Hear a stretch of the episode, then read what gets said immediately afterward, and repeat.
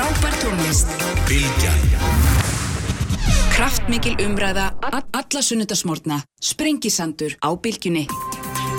Sælir hlustundu góði velkomnir aftur á Sprengisandin þá höldum við að staði hér sem leði líkur Ármann Káður Ólafsson og Ástildur Sturldóttir bæjastjórar hér í, í lok þáttar. Sigurger Brynjar Kriskesson frangandastöru vinslustöðurinn hérna á 12. tímanum. Jónis Þór Skúlason frangandastöru samtaka fyrirtæki ferðarþjónustu verður hérna líka en til minni komin góðu gestur Guðni T.H. Jónisson, Fórsett Íslands, velkomin Guðni og sæl og blessaður. Blessaður og sæl.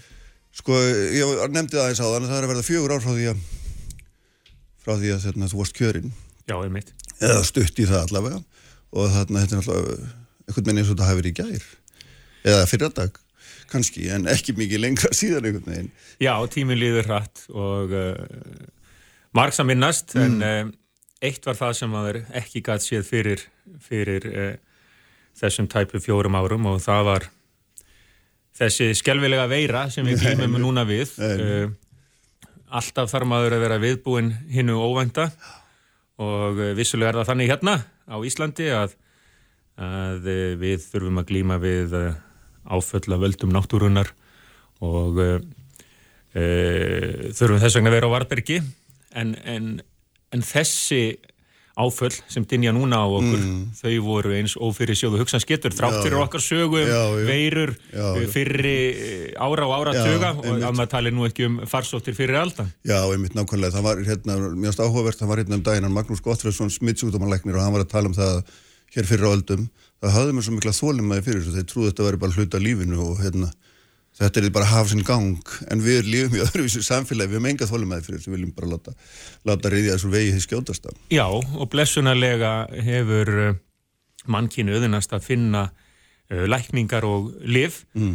uh, hér fyrir á tíð uh, reyttum enn sig á heitar bænir. Þær dugði ekki eins og þær góðar nú eru samt. Mm. en með framþróun vísindana hefur okkur öðurlast það að, að við eigum vopni í þessari baráttu og núna uh, setjum við traust okkar á, á þá sem uh, hafa þekkingu til að bera og býðum eftir uh, lausnum, býðum eftir mótefni, já, býðum eftir já, já. bóluefni einhvers mm, konar mm, mm. og þetta sýnir að þrátt fyrir allt erum við á framfara braut að þessu leiti en við vitum það náttúrulega núna að við höfum uh, orðið fyrir uh, búsifjum og við höfum orðið fyrir áföllum og núna eru margir sem eigum sárt að binda já, já. þannig að uh, þetta var og er þungt högg mm. og það er ennþá verk að vinna við verðum eiginlega að hafa það í huga að, að, að við höfum staðið okkur sem þjóð og samfélag mjög vel en við verðum að eh, halda áfram. Það er ekki nóg að vera eh, duglugur, kapsamur og yfir í eh, baráttunni frameftir. Við þurfum að ljúka þessum átökum með fullnaða sigri og standa já, saman áfram. Já, já, einmitt. Það er svona áhugavert í þess að því að þú hefur nú svona þínu ferli talað aldrei mikið um sko alþjóðhyggju, einangrun andstæður þessa og, og þetta og hérna, sko, hvað finnst þér núna svona, ef við byrja að setja það lítið spámastellingar, eh, þannig séð hérna, erum við að harfa fram að breyta tíma hvað þetta var, það heldur að verði hérna, svona þessi alþjóðahyggja sem er verið og hún einhvern veginn svona dopni yfir henni, hvað hva, hva sér þú svona í spilunum, það er svo gaman að spyrja sakfræðing alltaf eitthvað sem að óorðið er, sko. Já, já, það gæti vel farið svo. En svo, svo maður setja sig í spekingslegar mm, stellingar. mm og segði líka, já það gæti líka farið svo að svo færi ekki já, og um, maður verður að passa sig Kristján að tala ekki klísjum og ég mm. einmitt, ég var að tala um samstöðu núna og stundum verður þetta klísjukent við mm. verðum bara að viðkenna það en uh, þá verðum við bara að hefja okkur yfir það að nexlast á eilífu klísjutali ef svo beður undir eða mm. fólk vil uh, það við hafa það er svo brínt núna að við hér á þessu landi uh, sínum þá samstöðu sem við getum búið yfir og kunnum að búið yfir þegar á reynir. En svo eins og þau nefnir uh, svo reynir líka á uh, uh, samstöðu þjóða og ríkja. Já, já, já. og við höfum fundið það í þessari krísu að, að það er stutt í það hver sé, hver sé sjálfum sér næstur. Og kannski er það eitthvað sem við þurfum að hafa í huga þegar þessu óveðri slotar og, og við hérna horfum glöð og bjart sín fram á veg. Já, einmitt.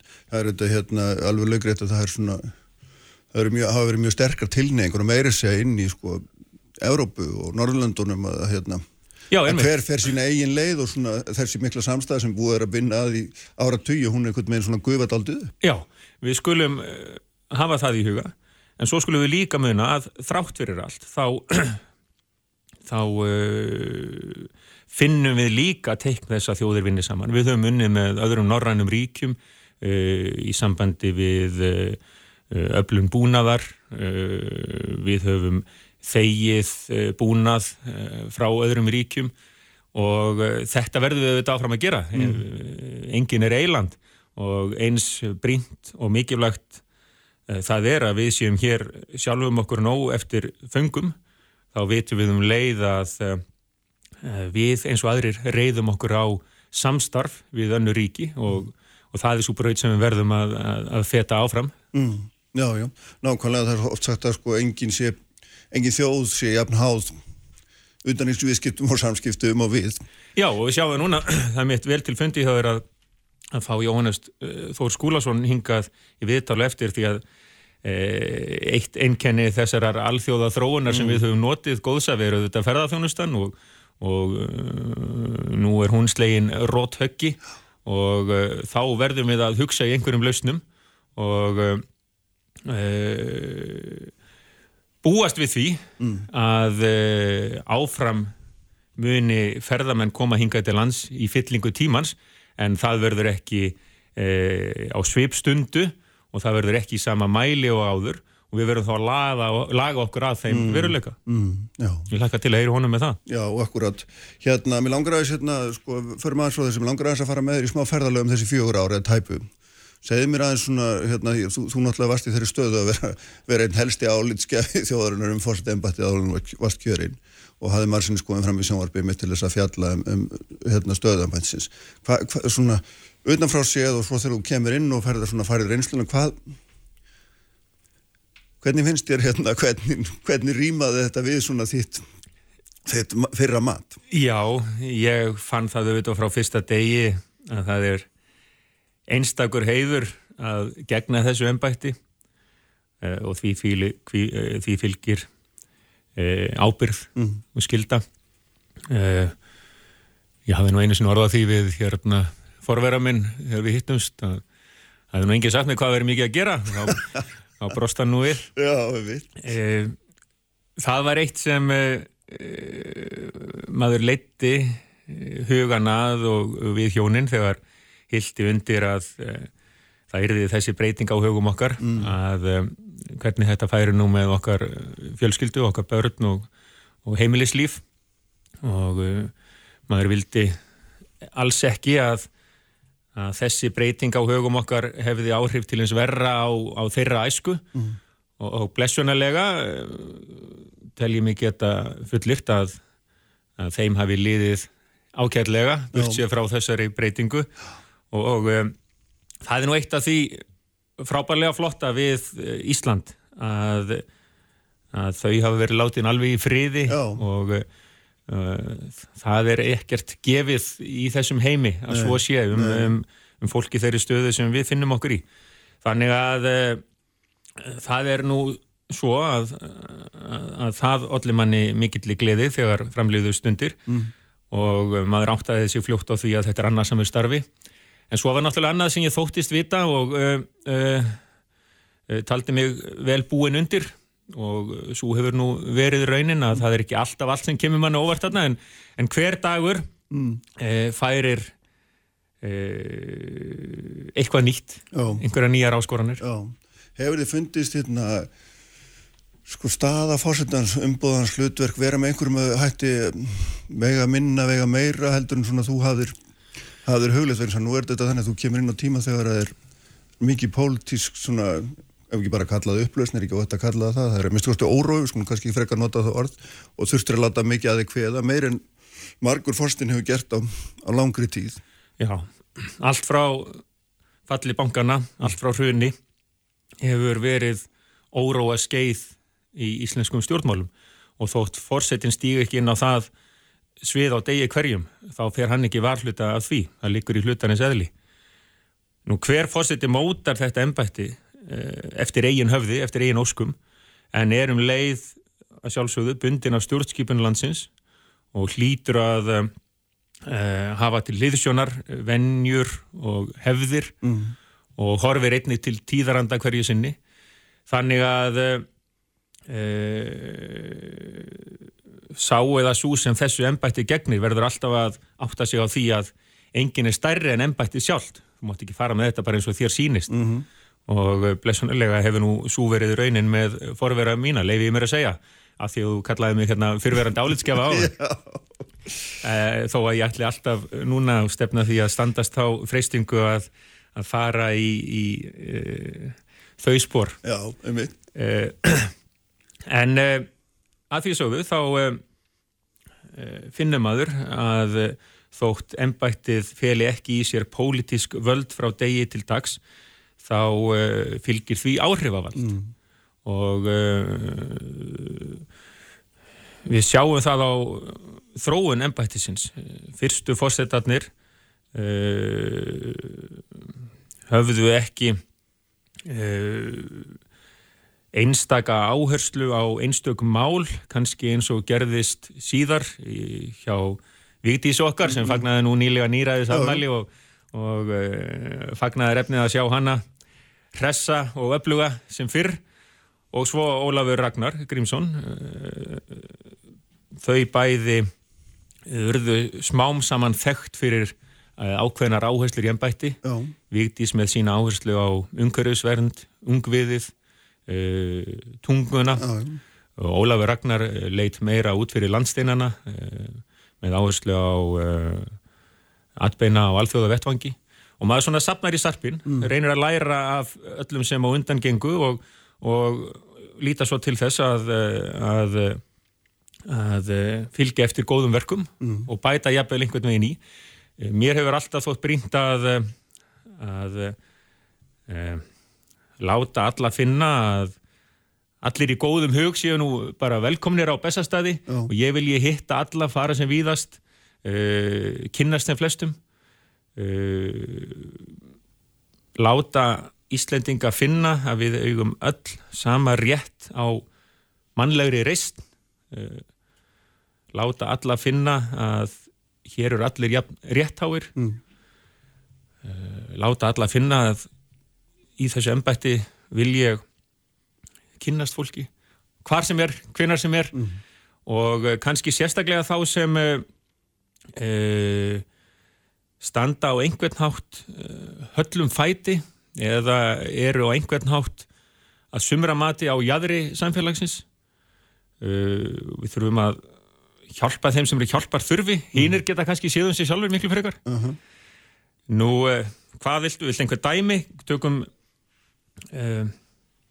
tökum Dáns uh, samfélagið, fólk með Dáns heilkinni ég hef kynst þeim heimi aðeins og fótt heiður að því að geta stutt við uh, uh, þau samtök og það samfélag bara til dæmis með því að láta taka mynda mér í mislítun sokkum til stuðni skóðu málefni, já, því ekki. Já, já, og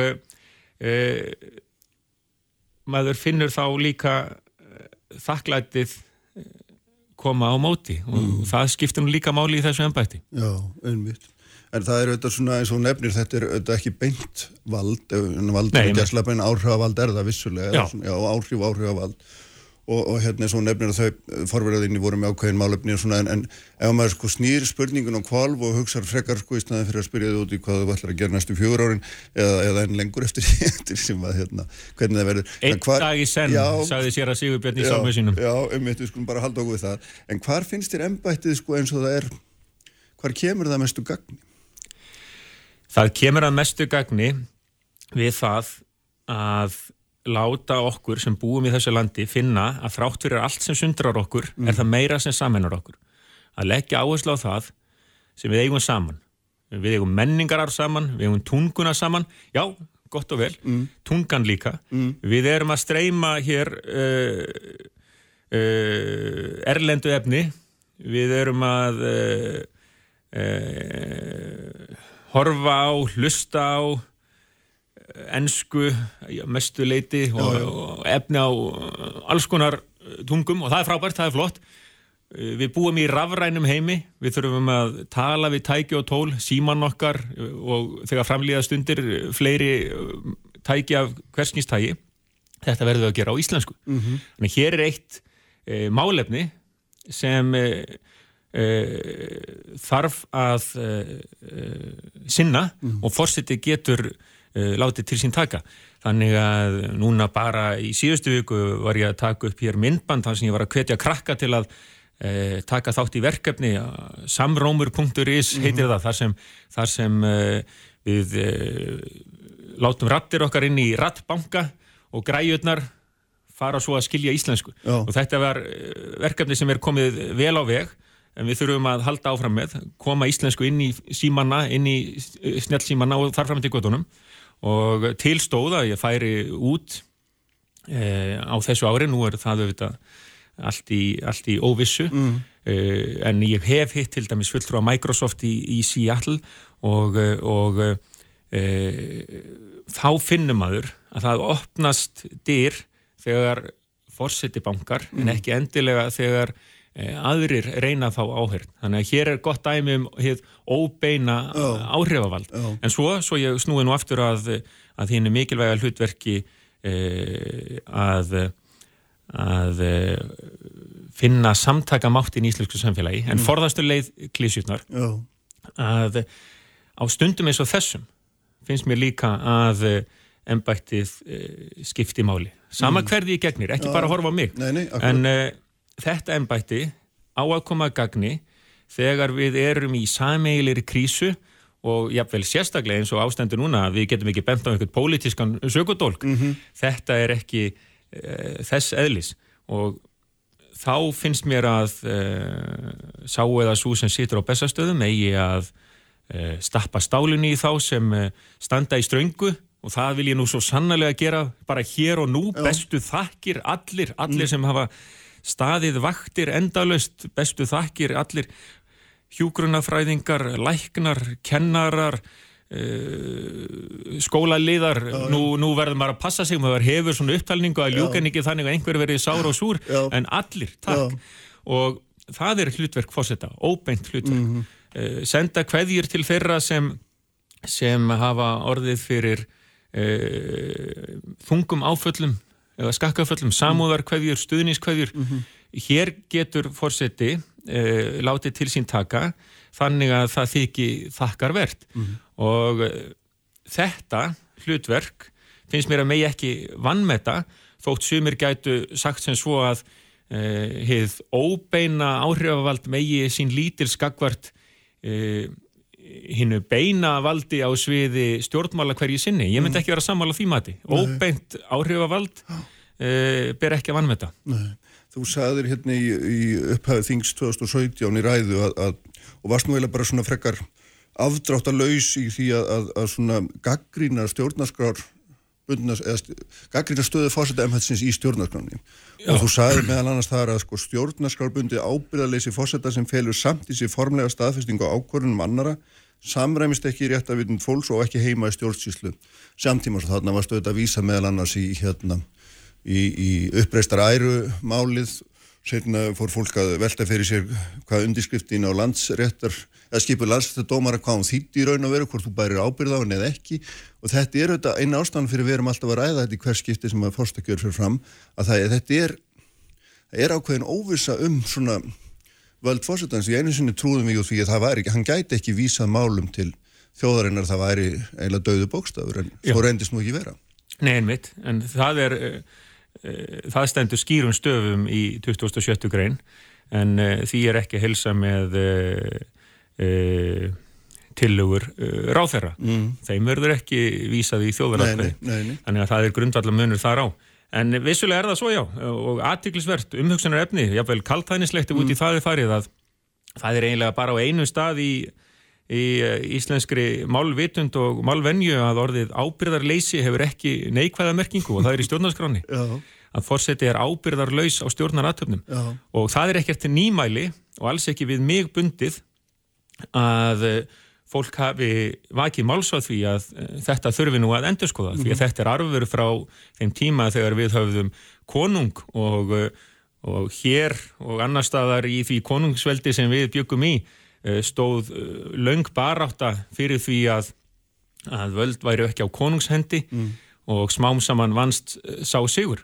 Það er önnur saga en við getum til að gera langa sögu styrta eh, tekið upp þráðin við byrjun þessarar aldar. Eh, eh um síðustu aldamót hófst eh, nokkuð djúb umræða um það að það fyrst að taka til endurskoðunar í stjórnarskrá og lögum ákvæði um, um ráþæra ábyrð og samspil þessara valda þátt í, í stjórnarskrá og útskýra betur eh, völd og verksvið eh, fórsetta mm. þannig að ákvæði í stjórnarskrá færðust nær því sem e, raun er Já. við tökum út fyrir svega sinjanavaldi mm -hmm. því það er í stjórnarskrá Já. alveg eins og e, forveri minn e, virkjaði og vaknaði þá til lífsinsinn döiði bókstafur sem svo var nefndur mm. eins og þú myndist á Já en hitt stendur eftir að uh, hugur manna stóð til þess að uh, endur skoða fórsetakablan svo kom hrunið áform um nýja stjórnarskrá frumvarf stjórnlegaráðs mm. og í grófustu dráttum má segja að við höfum ákveðnar fylkingar núna þeir sem vilja hérna nýju stjórnarskrá stjórnlegaráðs þeir sem vilja nú bara sem Eh, minnstar eða yngar eh, breytingar og jáfnvel vegna þess hvað eh, þessi fylking stjórnlega ráðs sinna gengur langt Já. en svo má jáfnvel hugsa sér að fara á milli getur verið að finna fólk sem horfir til áfanga sigra eða mála miðlana mm. og nú er sem fyrir daginn stjórnaskrár nefnd að störfum Já. fulltrúar allra stjórnmálaflokka á alþingi, formen eða, eða aðri fulltrúar sitja á raukstólum og ræða meðal annars uh, eh, fórsetakaplan og þar verður aðtiklisvert að sjá uh, hvaða skoðun uh, stjórnmála öflin hafa á, á stöðu fórseta í stjórnarskrá. Nú og almenningur allur því að mm. þetta er ekki engamál stjórnmálaflokkarna hér kemur auðvitað til álita líka ákvæði um uh, rétt tiltekinn sluta kjósenda að uh, krefjast þjóðaratkvæðis um uh, umdild lög. Já. Þetta hangir beint saman við uh, sinjinavaldi sem þú nefndir já, já. áðan. Uh, í uh, fórsetakjöri 2016 voru öll fórsetaefni held ég að ég megi fullir það, sammála um það að ákveða þessu tægi rétt tiltekins hluta kjósenda til þess að setja máli í þóraðkvæði eh, ætti að vera í stjórnarskrá. Í tilugum stjórnlagar ás er talað um 10% eh, kjósenda og aðrir hafa líka nefnt þá tölu. Hún er ekki heilug, á hún að vera lægri, á hún að vera herri. Það er áleita mál mm. og eins og sagan sínir, bæði í tíð fyrri fórseta og minni koma áskoranir Eh, til fórseta og uh, þá verður að taka afstöðu eh, mm. til, til uh, þeirra. Já, ég, sko ég man eftir að Vigdís, hún, hún orðaði þetta held ég þannig þegar hún var spurðað þessu, ég veit ekki hvort það var upphælaðið einhvern tímanum síðar að, að hérna ef að til dæmis alþingi myndi samþykja dauðarefsingum, það væri eitthvað slíkt alvarlegt mál, þá sæði hún fyrir sér að það væri óhjákvæmilegt að, að blanda sér í málið og, hérna, og ég held að þetta hefur svona verið þessi almenni skilningur að það væri einlega, þetta væri svo fjärstaðekjönd að fórstin blandaði sem er þessum hætti inn í stjórnmál vegna þess að það væri, eh, fórsti gengi gegn sitjandi ríkstjórn, þá væri hún eiginlega bara fallin. Já, já. en svo reyndist þetta auðvitað ekki vera þannig og mér er svona leikur fórhundin að vita, finnst þér að, að sko, finnst þér að ég að fella þetta sinjunar valdsinjunar ákvæði úr gildi eh, hangir það algjörlega á þjóðarætkvæðis hérna, hugmyndi hinni sem þú nefndir á það hvað, hvað svona Nei, nei, uh, já, ennbættið hefur þetta verið í í þessari þróun eins og þú myndist á að uh, hér áður fyrr uh, var álitið að fórsætja bæri ekki að grýpa til þessa möguleika. Þetta var dauður bókstafur og sagt í stjórnmálafræðinni en þetta þróast eins og annað og nú deilir enginum ekki, þú finnur held ég engan stjórn skipuna sérfræðing sem reynir að halda því fram að, að sinni fórseti lögum staðfestingar þá takir þau enga síður gildi eins og var þú reynd já, já, hérna á sínu tíma. Það er, það, það er ekki eh, aktíft spursmál lengur hins vegar held ég að þótt við fengjum í stjórnarskrá ákvæðum rétt tiltekins fjölda kjósenda til þess að krefjast þjóðaratkvæðis þá eh, ætti fórseti áfram að geta sinja lögum staðfestingar Uh, þótt engar undirskriftir bærust vegna, mm. vegna sannfæringar eins og þú myndist á Já. og uh, þar er hugsunin svo að, að það er ekki hægt að beinlinis þvinga fórsetan til þess að undirrita lög og eigi það að vera svo að, að, að staðfestingu hans þurfi mm. þá, þá verða, til, verða að vera til staðar þessi möguleiki að fórseti geti bara ekki hugsa sér að, að skrifa undir mm. en uh, ég hygg hins vegar að það sé uh, vel þess virði að aðtúa hvort uh, ekki sé meiri festa í stjórnskipuninni, meiri fyrirsjáleiki ef það liggi fyrir að tiltekinn fjöldi kjósenda geti mm -hmm e, krafist þjóðarætkvæðis þurfi ekki að reyða sig á og við getum kallað að jafnvel geðþótt að fórsetta hverju sinni. Já, já. og þá á hlutvallið að vera hvað, ég nefndi 10% hérna á það e, forverar mínir e, þeir sem nú lifa, Vigdi Svinnbóðadóttir og Ólafur Ragnar Grímsson voru í þeirri stuðu að fá áskoranir af þessu tægi, það gerðist ekki í tíð e, e, Kristjáns Eldjáts Áskirs eða Sveins Björnssonar mm -hmm.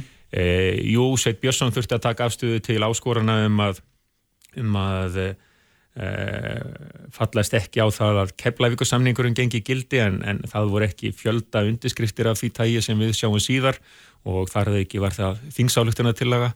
Þannig að e, þetta er e, setni tíma álita mál og e, e, áskoranir hafa byrst í ýmsum myndum mm. með ýmsum fjölda e, allt upp í 50.000 í tilfelli Ólafs Ragnars já. og já, sumum er tekið jákvæmt, öðrum ekki já. nú ég fekk til mín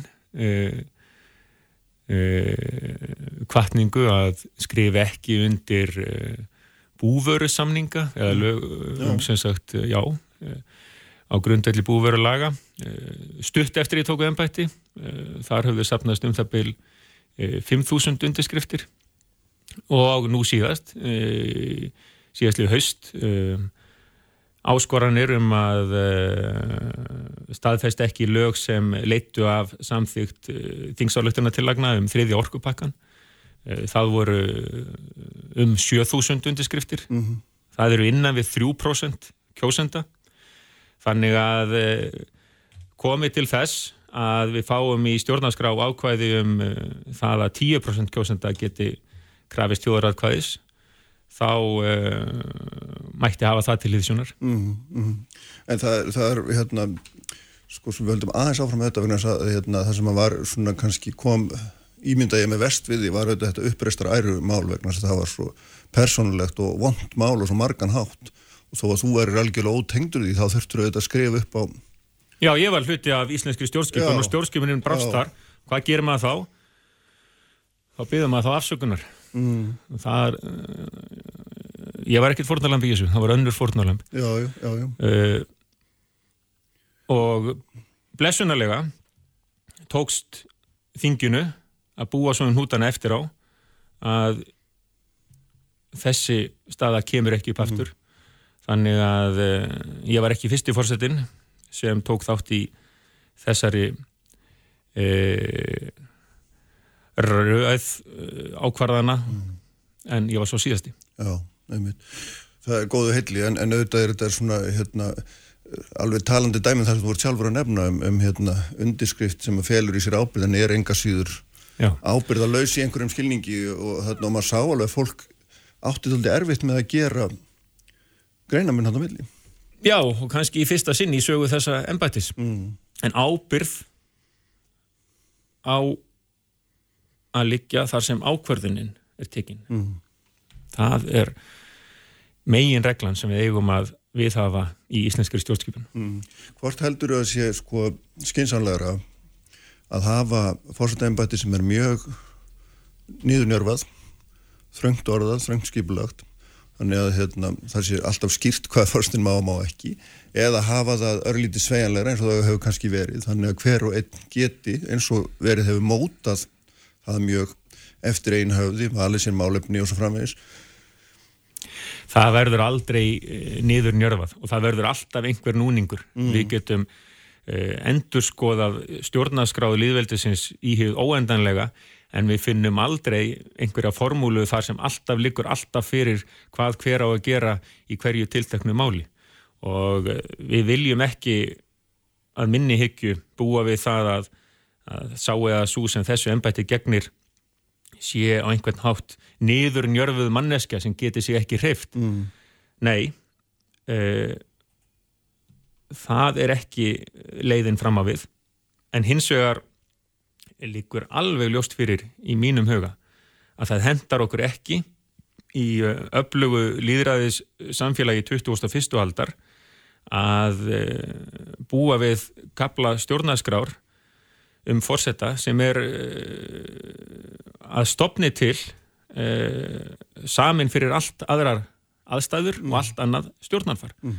og þetta er ekki mín Uh, nýstárlega niðurstaða þetta er uh, svo hugsun sem bjóðað baki uh, gerð stjórnaskarárinnar 1944, líðveldis stjórnaskarárinnar, þar sem hver stjórnspekingurinn á fætur öðrum, hver stjórnmál á fætur öðrum, sagði nákvæmlega sama hér semjum við okkur stjórnaskrá og setjum okkur nýja stjórnaskrá að því að við erum að stopna líðveldi mm. þá ætlum við að sína þann samhug sem þarf að þeirri stundu og þess vegna breytu við sem allra, allra minnstu Já. í okkar gömlu uh, konungsiríkis stjórnarskrá. En þegar við erum búin að stíga þetta skrefast á líðveldi, þá tökum við nú til óspiltra málana að búa til stjórnarskrá sem hæfir hinn unga líðveldi. Mm. En síðan er það önnur saga sem ég ætla ekki að reykja hér svo ég verði ekki sagaður um að vera bara aftur sagfræðingur og áleikskjafi hvers vegna svo fór sem fór. Nei, nei, nákvæmlega, nákvæmlega. Það væri hérna hægt að halda doldi lengi áfram þetta, þetta er nú hérna alltaf svo skemmtilegt að fjallum þetta en við þurfum þetta hérna slá einhvern tíman botnið þetta og setja aminu eftir efninu. Mér langar aðeins hérna sko uh, þú ákast og saður í, í þínu ávarfi um áramótin og þú ætlaði að bjóða það aftur fram og hérna, tóst á öll tvímæli og litið sem stundum hefur gerst það áður og aldrei neitt vafið að hvernig, hvernig hugsaður þetta? Já mm. Þær stundir hafa vissulega komið að maður hefur hugsað með sér að það væri nú þægilegra að mm. vera í skjóli fjöldans að bera ekki þunga ábyrð og hverfa í þann heim sem hann er leið vel í mm -hmm. en uh, mér uh, hefur samt sem áður fundist að uh, þetta hafi gengið ákjætlega ég hef fundið fyrir velvild og hlýhug mm -hmm. uppbyggilegri gaggrinni hef ég tekið og auðvitað þarf maður að una við hitt líka, það fylgir þessu mm -hmm. uh, og ég held ég verði nú seint sagaður um að vera þaulsætin með að við vennjur og hefðir, þannig að í því ljósi öllu saman uh, var sjálfsagt að uh, tilkynna að ég hefði hug á að gegna ennbættinu áfram. Mm. En auðvitað er það ekkert í mínum höndum nei, og þannig, nei, nei. þannig viljum við nú ekki hafa það. Eh, það er stjórna fyrirkomulag annara ríkja og svo verður bara auðuna að ráða Já. en uh, framar öllu á þessum veiru tímum uh, finnst mér varða öllu að við uh, sem þjóð finnum samtakamáttinn Mm. og þar vil ég leggja mitt lóð á vogaskálandar og ætla að halda því áfram og halda mínu striki í þeim efnum. Og uh, uh, svo sjáum við hvað setur. Já. einn dag í senn. Já, nákvæmlega. Ertu í miklu sambandi við stjórnvöld núna um þessi máli eða, eða hvernig, hvernig er svona, eða, svona aðeins skýri fyrir mér sko, hvernig þitt hlutverk er raun og veru Já, svona, hér er náttúrulega uh, staðan svo sama uh, á þessum vettvangi mínum og annar staðar í samfélaginu að uh, ekkert er sem fyrr uh, viðburðir feldir niður og uh, fundir uh, sömu leiðis, áfram á ég reglubundna fundi með forsættisráþera og öðrum þá fjárfundi núna. Og uh, hef eigni kappkostað eins og gefur að skilja að, að fylgjast með hef rætt við okkar ágæta þríeiki Já. sem á nú róskilið eins og allir aðrir það, já. er- það eru kundagshetjurnar eh, það er starfsfólkið á vettvangi og það er þríeikið Já, já, já. góða og e, þar hef ég heilsugar tekið undir og stutt þá stefnu e, ríkistjórnar að láta það sérfræði teimi vera í forgrunni og e, lofsvert en sjálfsagt og skiljanlegt að við látum e, þá sem e, þekkinguna hafa e, stýraferðinni hér. Þótt ábyrðinni líki auðvitað hjá, hjá stjórnvöldum og gott að hér hefur enginn fallið í þá fristni að reyna einhvern veginn að, að skapa sér politist fjármagn e, á þessum mæðusöfumu dögum. En maður hefur reynd að, að eh, láta gott að sér leiða og hafa þá á grundvelli upplýsinga með samtölum við, við þetta ágæta fólk. Eh, geta stappastálinni fólk, sendt kveðjur. Eh, hér er fólk að koma til þín í viðtal og það er eh, fólk frá Ak- Akureyri, Kópavogi og, Eyjum. Já, já. Eyjamenn hafa nú uh, lent illa í veirunni og aðrir, bolvíkingar Já. húnaþingi vestra var, já, var slæmt ástand. Nú uh, á Húsavík uh,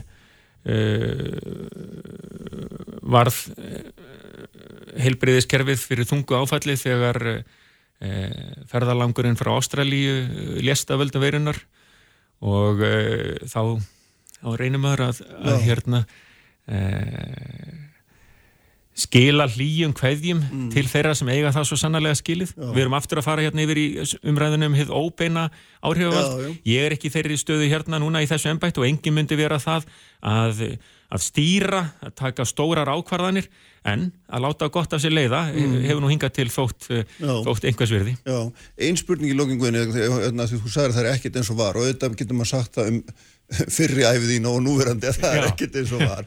Og eitt sem er svona skemmtilegt og hérna er auðvitað kannski býrjum hegamlegt en það er, það er þessar ofinberu konungsveislur og það sem þú ert í, í slagtögi við hérna fólk með bláttblóði æðum svo, svo að maður segi og hvernig svona, bara forvetni sagir, hvernig er þetta fyrir íslenskan alþjóðu pilt að hérna að standa þarna Já, það er nú bara þannig að eh, maður eh, finnur og sér og skilur að, að þetta fólk, ágæta fólk andar að sér sama andrumslofti og, og við hinn.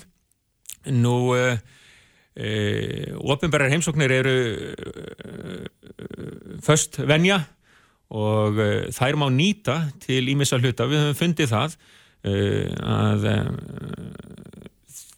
það er hægt að kynna og að maður á að kynna land og þjóð, nýta þessar heimsóknir til þess og uh, ég veit ekki betur en að uh, fólk sé sæmilega sammála um það að það hefði tekist vel í tíð uh, forvera minna og, og, og núna síðust ár þegar ég hef lagt land undir fót með Elisu og föruneyti uh, dæmi, þegar við fórum til Finnlands þá þá tókum við með okkur Vöndu Sigurgerstóttur sem, sem kynnti samstarfum eineltis rannsóknir, mikið hjartansmál og frábært í alla staði. E, í Svíþjóð vorum við með áherslu á, á e, kunnáttu hér heima og vittneski á sviði, sviði læknavísindana í Danmörku nýsköpun í sjávarútvegi. Núna síðast í Pólandi þá láðum við mikla áherslu á, eh, á stöðu uh, fólks hér á Íslandi með pólskar rætur. Við þurfum að ná næstu kynnslóð þeirra sem koma frá Pólandi algjörlega inn í Íslands samfélag með, með áherslu á, á, á skólana mm. og áherslu á, á afþreying og íþróttir tómstundir Þannig að við notum þessar ofinbæri heimsóknir til þess að koma einhverju góðu til leiðar. Mm -hmm. En jújú, jú, þetta er auðvitað e, e, þáttur þessa ennbættis sem er, getur verið gaman að rifja upp í ellinni. Ég hugsaði með mér þegar ég e, gisti í Amalíenborg í fyrstu heimsókninni því að það er först venja og hefða að fórseti fer fyrst í ofinbæri heimsóknir til Kaupmannarnar. Það sem maður virti fyrir sér þarna veggi Amalíum borgar að innan frá að, að síðasta heimsókn mín þar á undan til Kaupanafnar var í öðrum erundum og þá hafði ég googlað uh, ódýrt hótel nálægt lestastöðinni þannig að uh, þetta breytist en, uh, en þó ætla ég að vona að, að þessi þáttur ennbættisins og ennbættis allt hafi nú ekki, ekki breytt með þannig að, að það sé til hérna vansa og bara í loking Kristján við verðum núna að standa saman klísja aftur en þetta er svo satt já, já. og rétt já, og, og verðum að líka þakka þeim sem eiga þakkir skildar og heiður þeim sem heiður ber. Það var eiginlega langmest þess vegna sem ég langaði til að koma í þáttin að færa þeim þakkir mm. sem er að standa í ströngu núna og nú höldum við áfram. Þetta er langklöp munum að það er ekki komin fjörði mæ eins og nefnt hefur verið mm. og til hamingi víðir með, eh, með barnabarnið og uh, gangi okkur áfram vel. Við eigum klapp okkur á bakið, við eigum að sína þeim samúð sem uh, hafa orðið fyrir þungum áföllum núna, við eigum að sína þeim stuðning sem liggja í veikindum vegna veirunar og við eigum að gera allt sem í okkar valdi stendur til þess að vera hluti af lausninni mm. en ekki hluti vandans og það er svo gott við það að búa á Íslandi að hér eru undirstöðuna tröstar. Hér getur við sagt við okkur sjálf, við höfum orðið fyrir þungu áfalli, en þegar þetta er liðið hjá, þegar við erum búin að vinna buga á veirunni og öllum þeim vanda sem hún hefur valdið okkur, mm -hmm. þá getum við og eigum að vera bjart sín. Af hverju? Vegna þess að við getum verið raunsæ líka. Mm. Okkar bjart síni á að byggjast á raunsægi. Við höfum allar þessar undirstöður. Við höfum auðlindir til sjávar og sveita og til heiða og auðlindir í okkar huga og hönd.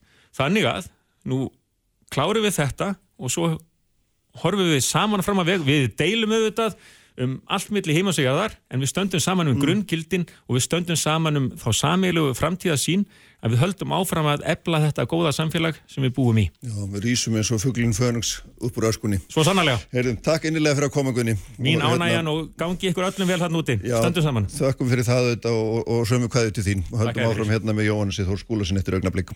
Sprengisandur, alla sunnudaga á bylgjunni. Kraftmikil umræða alla sunnudaga. Sprengisandur á bylgjunni. Sælir, hlustundur, höldum áfram hérna á Sprengisandinum. Guðni T.H. Jóhannsson, Fórsett Íslands vanir frá mér eftir ídalett og, og gott spjall. Uh, aðeins að venda hvaðin í krosslóðu við séum auðvitað svona sömu slóðum kannski að hluta. Jóhannes Þór Skúlarsson sem er frangatastjóri SAF, samtaka fyrirtæki ferðarþjónastunni sestur hérna hjá mér Jóhannes.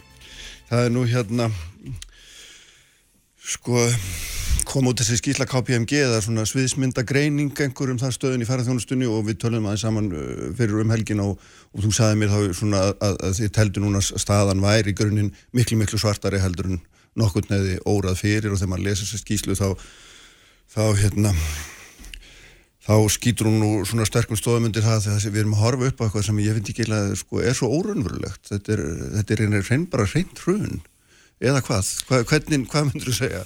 Hvaða orða á að nota? Já, ég held að, að við við- við verðum að fórsendans nota- og rífa það niður já. Við verðum að nota einhver, einhver svona orð um þetta. Þetta er hrun, móðir allra krísa, það er alls konar sem er notað um þetta. En mér langar nú kannski að byrja að taka þráðin frá hérna, því sem fórsett Íslands var að segja og byrja aðeins á hinum endanum. Aha, Því að sko, einhver tíma verður þetta búið. já, já, Og það er kannski það sem við erum að, að reyna að benda á núna, sko, að, að þegar, við, við munum fara í gegnum þetta og við þurfum að gera það saman og ég tek undir allt sem hann var að, var að segja hér um, um, um samstöðuna sem er mjög mikilvæg. En þegar við ætlum að ná okkur upp úr skurðinum, þá þurfum við að vera búin að undirbúa það núna. Og við eigum tækifæri nefnilega hérna inn í e, framtíðina, inn í næsta árin, í næstu tvö ára og þrjú, að vera fljóta rífa okkur upp úr þessu ástandi, að komast upp úr þessari óbáðslegu efnahagslegu læð sem að er búið að, að þrýsta okkur ofan í, rauninni bara ekki af, af, af okkar eigin gjörðum, Nei, nei. heldur bara af ástandin í veröldinni. Og um, það eru allir einhvern veginn í þessu í, í heiminum en, en við eigum sko, að, þegar við erum að lifa svona sögulega tíma og við erum að núna fara í gegnum heimsögulega atbyrðið sem verða skrifaðir sko, verða skrifað bækur um langt inn í framtíðina að þá eigum við núna tækifæri og þetta er mjög mikilvægt að hafa í huga við eigum hérna tækifæri til þess að það verði kaplar í þeim bókum sem segja að íslenska dæmið var svona ástæðan fyrir því að Íslendingar komust hratt upp úr þessu og náðu sér aftur efnaðslega strik, mm -hmm. lámörkuðu samfélagslegan skada, eh, komu fólki fljótt aftur út á atvinnumarkaðin og náðu eh, virkilega góðri viðspyrnu, eru þessar. Og þetta er svona svolítið það sem við þurfum að leggja grunninn að í dag og, og er það sem við erum að kannski tala fyrir núna, við erum að benda á að, að e, lífskjarabótin sem að hefur orðið hér undarfærin tíu ár, hún uh, grundvallast að stórum hluta á uppbyggingu þessara nýju atvinnugreina ferðarþjónustunni uh, og við viljum reyna að verja þau lífskjör mm. þannig að þau uh, verði fljótar að ná upp aftur og til þess þurfum við þá að, að skoða það hvernig, með hvaða hætti getum við tryggt að þessi atvinnugrein verði til að neila stórum hluta svo getum við reyfið okkur upp því að hún er í fullkomnu uh, fullkomnu Algjör frálsu uppgang. falli núna Já, já, en það er auðvitað tíminn svona sem að við þekkjum alveg stöðuna svona efnaðslega, hún er alveg ljós en það er bara spurningin um hversu lengi staðan verður með þessum hætti og Já. þá erum við ekki bara að horfa á okkur sjálf, það er vandinn er náttúrulega sá að við erum að horfa á allar aðra þjóðir hvar þær eru staddar og hvort við höfum yfir höfðu áhuga að, hérna, að hinga flikist fólk frá löndum sem ekki hefur sint hérna, koronavörnum jafnvel og, og við teljum okkur að við, hafa við verðum að horfa á það í einhvers konar alþjóðlegu samhengi og, og ég hef fulla trú á því að, að, að þríeikið okkar góða sé að, sé að horfa til þess hvernig þessu er háttað og, og það hafa átt sér stað samskipta á milli landa um hvort að eitthvað sé hægt að fylgja þeim sem er í svipari stöðu og við og, svo framvegs og, og ég hef fulla trú á því að þarna verið tekna skinsamlegar ákvarðanir e, og, og vonast til þess. E, það sem að við erum að horfa fram á núna er það að fyrirtækin í þessari grein eru nánast komplett fullkomlega tekjulegs Eh, það eru engin ferðamenn á Íslandi í dag. Það er ekki út fyrir að verði ferðamenn á Íslandi næstu þrjá mánuði að neinu viti. -hmm. og það er mjög ólíklegt að við náum eh, einhverju viðspyrnu í haust. Eh, þó ekki væri nefn bara ef við horfum til, til eh, þess hvað er þá stutt eftir af, af árinu. Og að vetrarferðamennska er, er ekki mikil hefð og það tekur yfirleitt einhver tíma að komast í gang þegar hömlum hefur aflétt og svo framins þannig að, að við erum að horfa til þess að ferðarþjónustu fyrirtæki verða e, nánast alveg tekjulegs væntanlega, eða við skulum segja fyrstu alvöru möguleikar þeirra til þess að afla sér tekna e, verða sumarið 2021 yfir Mhm. háen þá. Og þá, þá þýðir það að við þurfum að þreja þorran þanga til. Og við vitum það alveg að það verður fjöldi fyrirtækja því miður sem mun ekki lifa þetta af. E, en við verðum sem Ekkert samfélag að fyrirtæki reyna lifi náttúrulega af þennan tíma tekjulegst Ekkert fyrirtæki lifir af heilt ár og tekjulaust. við erum þá að tala um það það eru því að óskættir því í raun og veru að ríki taki greinin upp á sinna arma í heilsinu og það er, það er auðvitað það sem að hérna, það eina sem eftir er ekki alltaf bankarnir að gera það að þeir þú þekkir bankamenn jafnvel og ég og veist að þeir eru varfarnir og þeir mun aldrei lána peninga í fyrirtæki sem hafa ekki tekjur í þrjá mánuði og sex mánuði og tólf mánuði það er Ég held Það að, kemur manni ég vel held á að það sé nokkuð skynsanlega metið hjá þér. Eh, Það sem, að, það sem við, við erum ekki óska eftir því að ríki taki greinina í fangið komplett. Mhm. -hmm. Það sem við erum að óska eftir og erum að benda á er það að þessi atvinnugrein á við sértækan vanda að stríða þar að segja sem er allt öðruvísi heldur en eiginlega vandi allra annar atvinnugrein þó það séu líka í, í vanda. Tekjufallið er miklu miklu meira og tímabilið er miklu lengra. Eh, það þýðir það að það þarf að grípa til aðgerða sem að sem eru sértækar gagvart ferðarþjónustu fyrirtækjum uh, að, að hluta til þá mun það verða kostnæðasamt, það er alveg rétt, ég með það verður dýrt þetta, mm. verður mjög dýrt tímabil fyrir Íslenska ríkisjóð mm. uh, á, á mjög margan máta uh, en þetta þarf að vera einhvers konar leiðir sem að, sem að hægt er að fara til dæmis og ég nefni bara til þess að, að fyrirtæki geti einfallega bara lokað mm. í þennan tíma að þau séu ekki að brenna upp peningum á meðan þau eru lokuð uh, Lokuð í merkinguna þau borg ekki hætt, skatta ég, þau, þau, þau hætta bara hætta starfsemi já. er ekki með fólk á launaskrá uh, þurfu ekki að vera að greiða uh, háar launagreistur Ekki einu sinni þessi 25% sem að Nei, það er, það er því miður þannig að, að eftir því sem tímin hefur leiði núna síðustu tværi vikur þá hefur það komið bara alveg skýrt og berlegi ljós að því miður þá mun hlutabóta leiðin ekki duga fyrir ferðarþjónustu fyrirtækin vegna þess að tímabilið er svo, svo langt. Mm -hmm. e, fyrirtækin eru uh, stór hluti að þeirra og ég vil segja lang flest í þeirri stöðu að þau eiga ekki fyrir uppsagnarfresti ef þau þurfa að segja öllum upp þá þurfa þau að greiða fullaun í þrámánuði og þá fara þau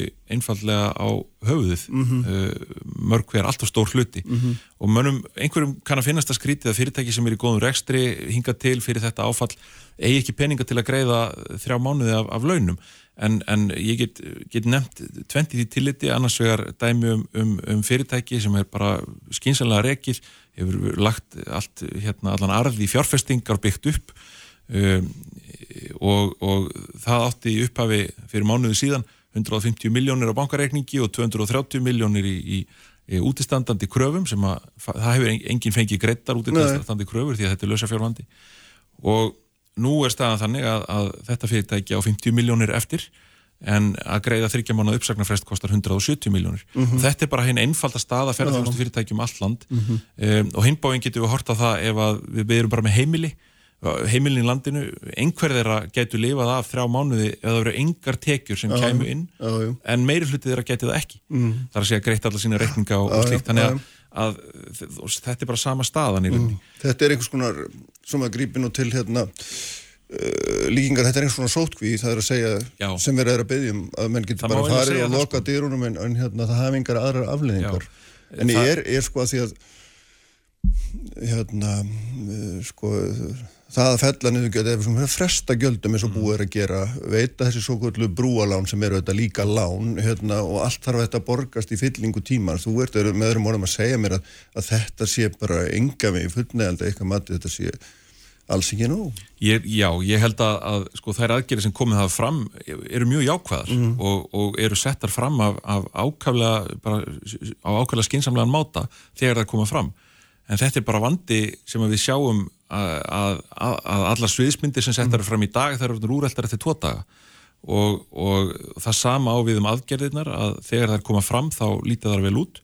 Þegar tíminn líður þá sjáum við að það þarf að bæta við. Og þetta náttúrulega kom fram strax þegar að fyrstu aðgerði stjórnarinn voru kynntar bæði hjá fórstsáður og fjármárráður mm. að það myndi þurfa að skoða þetta svo áfram hvernig þróunni væri. Og, og ég held að ríkistjórnin hafi verið að horfa á þetta og nálgast þetta mjög skynsanlega máta. Mm. og það hefur verið mjög góð samvinna og samtal við uh, atvinnlífið um það hvað getur komið til, til hjálpar en uh, það sem við horfum fram á núna er kannski að, að í ferðarþjónustunni að, að við munum þurfa einhvers konar kannski sér, sér nálganir í því núna á, á, á næstunni til mm. þess að, að við verðum í þeirri stöðu sem ég nefndi upp að við að geta kert okkur upp að nýju og, og varið þau lífskjör sem við höfum byggt upp mm. hérna mm, undanfjörðum.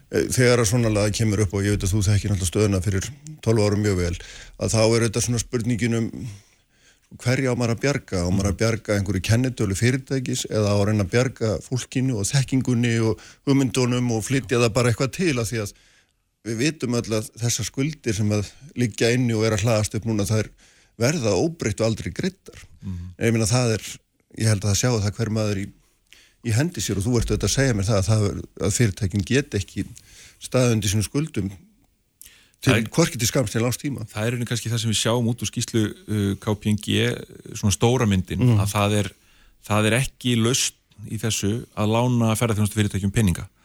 Uh, þau eru búin að fjárfesta gríðarlega undanfjörðum árum. Fjárfesting í uppbyggingu í ferðarþjónustu Íslandi hefur langstæstum hlut að komið frá fyrirtækjunum sjálfum e, sá hagnaður sem hefur komið út úr fyrirtækjum hefur langmestuleiti verið lagður inn í fjárfestingar til uppbyggingar. Og það þýðir að fyrirtækin e, hafa e, er skuldsett en e, við sjáum það að það er ekki leið að lána, lána fyrirtæki sem ekki hefur tekjur um lengri tíma peninga, það, það gengur ekki upp. Það mun einungi spreita greiðsluvanda í, í stærri skuldavanda. Já. og, og þess vegna þurfum við að horfa kannski til þess að, að e, ef frestanir eiga sér stað þá þarf að skoða það hvort, hvort eitthvað að því falli niður eða hvort að það veri greitt um lengri tíma mm. um, þegar að tekjunar eru komnar aftur og, og svo framvegis þannig að það, það er ímislegt það, það eru þarna alveg tækifæri til þess að finna aðferði sem virka, ég hef fulla trú á því mm. og það mun því miður aldrei bjarga öllum en það í svona árferði þá veitum við það bara það munu allir þurfa að taka á sig byrðar, það munu allir þurfa að taka á sig högg, hvort sem um er að ræða atvinnulífið uh, ríkið, sveitafélög uh, eða, eða uh, fólki sjálft. Og, og þarna að því þú nefnir einmitt, hvað, hvað á að velja? Já, sko uh, fyrirtækin og starfsfólkið er svo nátengt. Uh, ferðarþjónustu fyrirtæki eru bara starfsfólki, þau eru uppbyggð af eigundum og starfsfólki, Já, þar er reynslan, þekkingin viðskiptasamböndin og uppbyggingin gæðin liggja þar. Uh, ef að við ok, ef okkur ber gæfa til þess að uh, bjarga það stórum hluta ferðarþjónustu fyrirtækja í var þannig að þau verði tilbúin til þess að taka á með samfélaginu öllu þegar áþarf að halda á þegar við komumst að stað aftur þá munum við varðveita þessa reynslu, þekkingu, gæði og viðskiptasambönd Já. og ná að komast mun hraðar á stað. Þá mun fólki líka geta gengið aftur inn í störf sín eh, komast fljótar inn á, á vinnumarkaðin aftur og samfélagslegu vandamálin sem að fylgja því að fjöldi fólks í atvinnlustum lengri tíma munu, munu minka mm. kostnaður ríkisins uh, sem að kemur þá í, í eftir á í raunni ef, að, ef það er ekki gert uh, minka líka þannig að þetta er í raunni þó að þetta hljómi svolítið eins og fulltrúi fyrirtækja komi og segi vinsanlegast gefið okkur penninga mm. uh, þá erum við að horfa í raun og veru er það ekki raun og verið þannig? Nei, það er raun og veru ekki þannig. Við, við erum að horfa á kannski þennan, eh, sko það verður alltaf samfélagslegu kostnar. Spurningin er hversu mikið getum við uh, tekið út af honum núna á þessum enda svo við þurfum ekki að taka út meiri kostna síðar. Já, já. en ef þú, ert- ef þú hugsa þetta þannig að hérna, sko, þú, ert, þú, þú núlstilli fyrirtækin, lokar þeim, þú setur allt starfsfólki á laun hjá ríkinu, ef við getum kallað atvinnleysisbætur eða laun eða hvað við viljum kalla og það er, það er allt greitt og svo líður tíminn og þú segir við þurfum að vera tilbúin. Já. En fyrirtækin er ekki menna starfsemi, þau eru ekki menna starfsfólk, þannig að þegar að allt opnast, þá eru þau í raun að grunni til jafnveik og þau eru í dag. þau, þau verða mjög veik. Og það, En- það er þess, er þess vegna sem ég er að velta verið með, einhver- viltu bjarga einhverjum kennitölum að því að fyrirtækið hefur verið með einhverja starfsemi á einhverjum tildegnu staðundur, einhverjum tildegnu heiti, eða eigum við bara að lega fólkinu að rotta sér saman og, hérna, og búa til eitthvað á, á nýjum grunni. Já, já, þetta er alveg góð spurning og uh, vandamóli við það ef, að, ef við sjáum fyrir okkur að, að, að 70% 80% af fyrirtækjunum, það er að kennitölunum og þú segir, myndu bara fara fallitt verða gjaldþróta þá er það sem að gerist í kjölfarið það að e, það koma að skiptastjórarinn í spilið. Það eru heilmikið af ógreitum kröfum inn í þessum fyrirtækjum.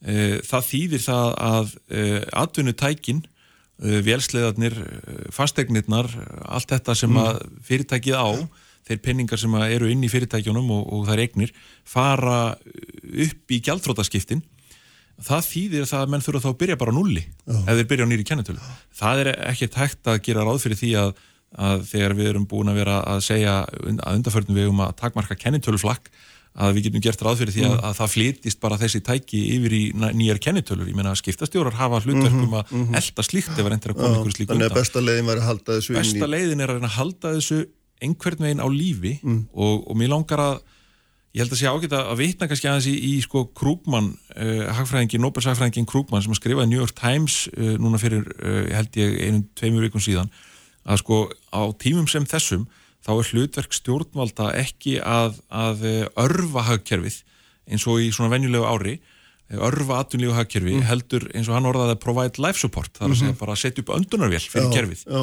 Og, og halda því á lífi með, með öllum ráðum.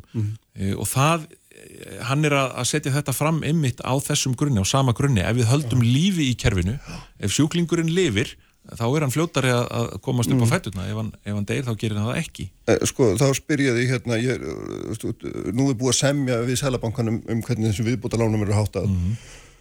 Og þau þarf að veita fyrir loka ást 2020 sem er allt í lagi en hámas lánstími frá útgáfu er 18 mánuðir. Já. Og þarna, og ríkið ætla síðan að ábyrga 70% að þessu og, og hérna, en, en svo er þetta eh, upphæðar hámörk líka sem ég ætla ekki að fara út í lesa skipti ekki öllum máli.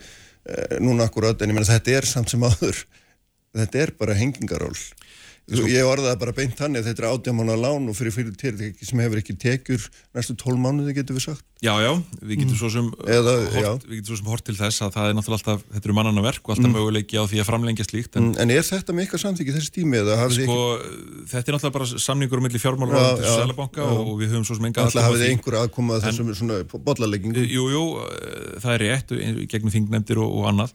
En, en eh, ég held að sé alveg ljóst að, að brúarlána kerfið það mun nýtast ferðarþjónustunni mun síður heldur mörgum öðrum atvinnugreinu vegna þess að brúarlána kerfið nýtist kannski best fyrirtækjum sem að er að horfa fram á í- nefnt sem dæmi 30-35% tekjufall um, um 3-6 mánuða tíma mm.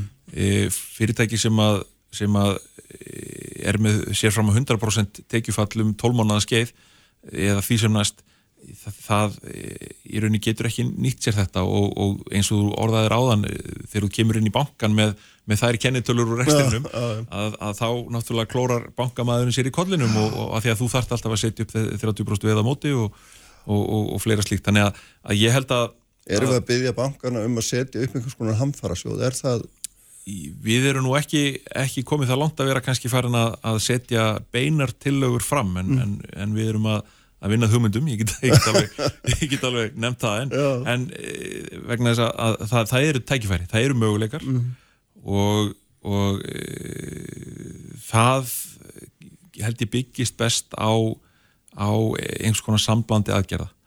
Um, það sem er gr grundvallar atriðið er það að, að þó að margar af almennum aðgerðum til, til uh, hjálpar aðtunlífi geti nýst vel fyrir ferðjónustu fyrirtæki og önnum fyrirtæki að þá held ég að það sé orðið alveg ljóst að, að það þarf að horfa sérstaklega á þessa atvinnugrein vegna þess að hún er í alveg sértækum vanda. Þetta er, við getum líkt þessu við ef við sæjum fram á það í heilt ár myndi engin fiskur veiðast í íslenskri landhelgi, bara engin, ekki branda úr sjó, nema kannski að stöng hér og þar. Og þá getum við horta það, myndum við þá segja já, sjáurútis fyrirtæki verða þá að fá bara sömu aðgerðir og, og öll önnur fyrirtæki. Nei, ég held við myndum segja þetta er sértækur vandi sem að þarf að skoða sérstaklega.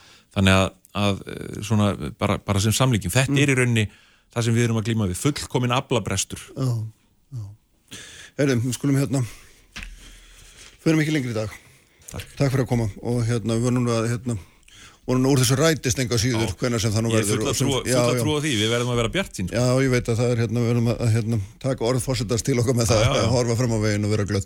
Heyrðu, hérna, takk fyrir þetta Jónis og, og hérna ég ætla að ringja til Vestmanni að það er Sigurgeir Brynjar Kriskesson, frangandstjóri vinslustöðurinn og við ætlum að fjalla um makril hérna eftir augnablik. Uppspretta frétta á Sprengisandi á Bylgjunni.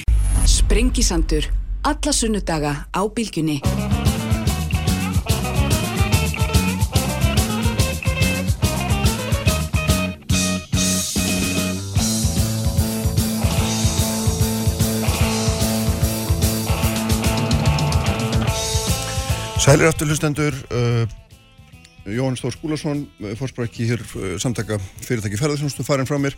En í símanum er Sigurgeir Brynjar Kristgeirsson sem að allir þekkja nú undir, undir nafninu Binni, frangandstjóri vinslustöðurinn í Vestmanni, sæl og blessaður.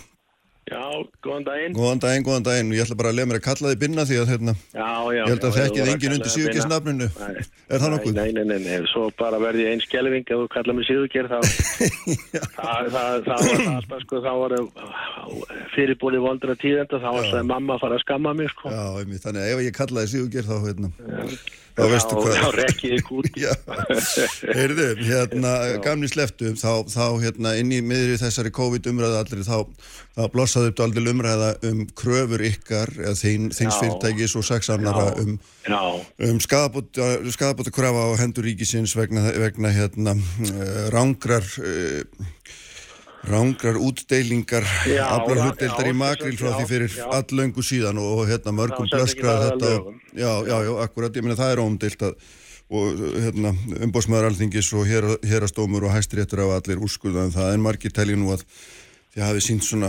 óþálega mikla peningagræðski og skýrðu mér Já, svona stuttum já, frekju, já, já, já, kvöllum það bara það.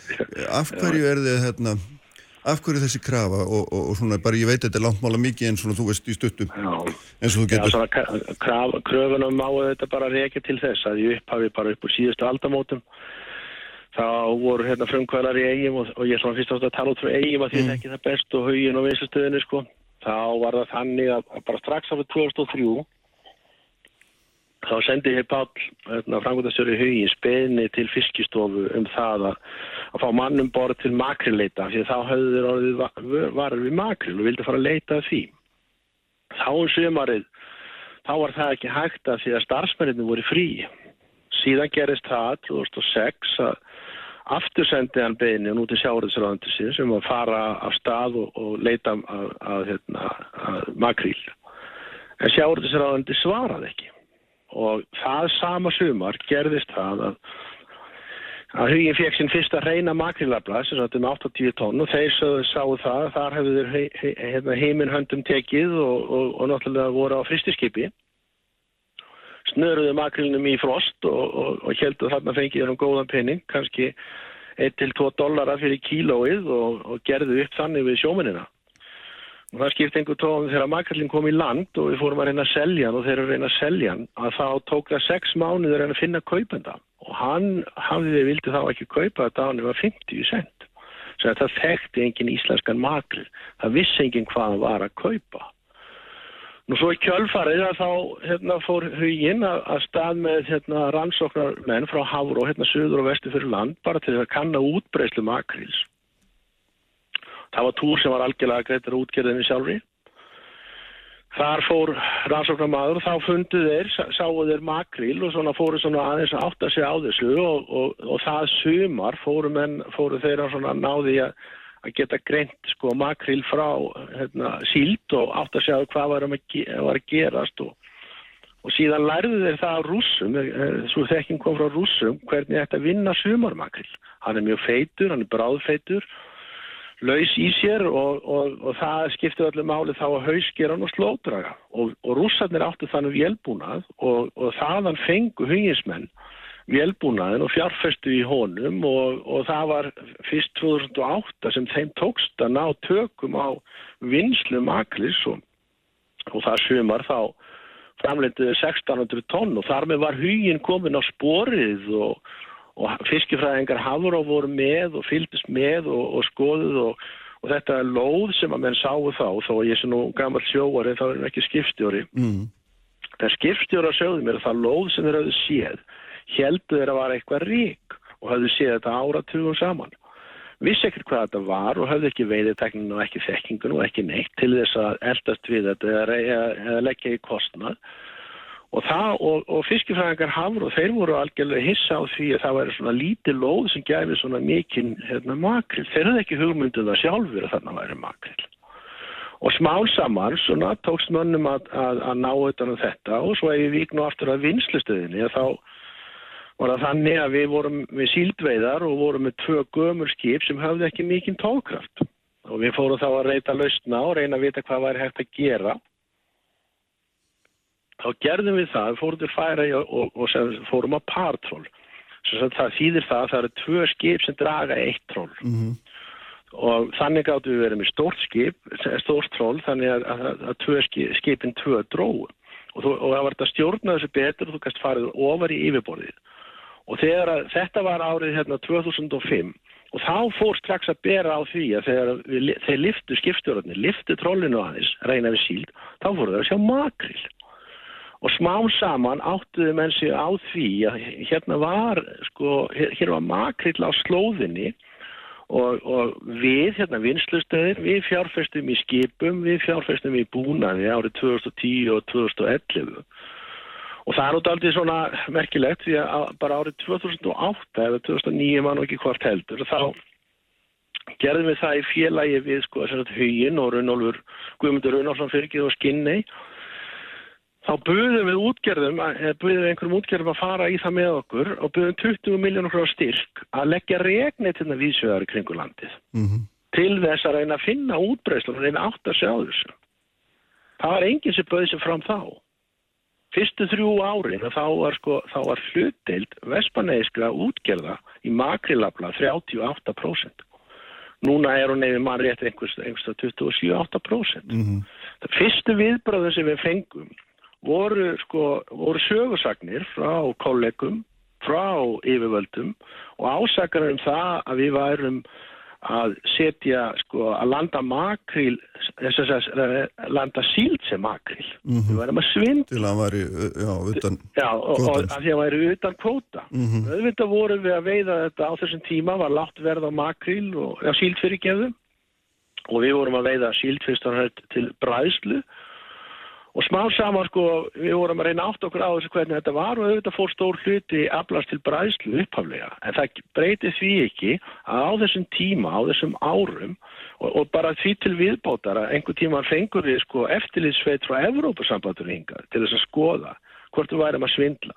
Og það var þegar þeir, fyrst þegar þeir sáu að það sem við kallum makril og vorum að landa sem makril var makril þá í kjölfarið komst Ísland að samningaborðinu sem strandríki í makril og það er ekkert og, og, og síðan hérna, þurftum við að læra þá tækni að kæla aflan og, og síðan að markasetja og selja og fá trú kaupenda út um allan heim á því að varan væri góð. Auðvitað þekktum við hann ekki nógu vel í upphafi, auðvitað kunnum við þetta ekki allt saman, en, en smá saman lærðum við.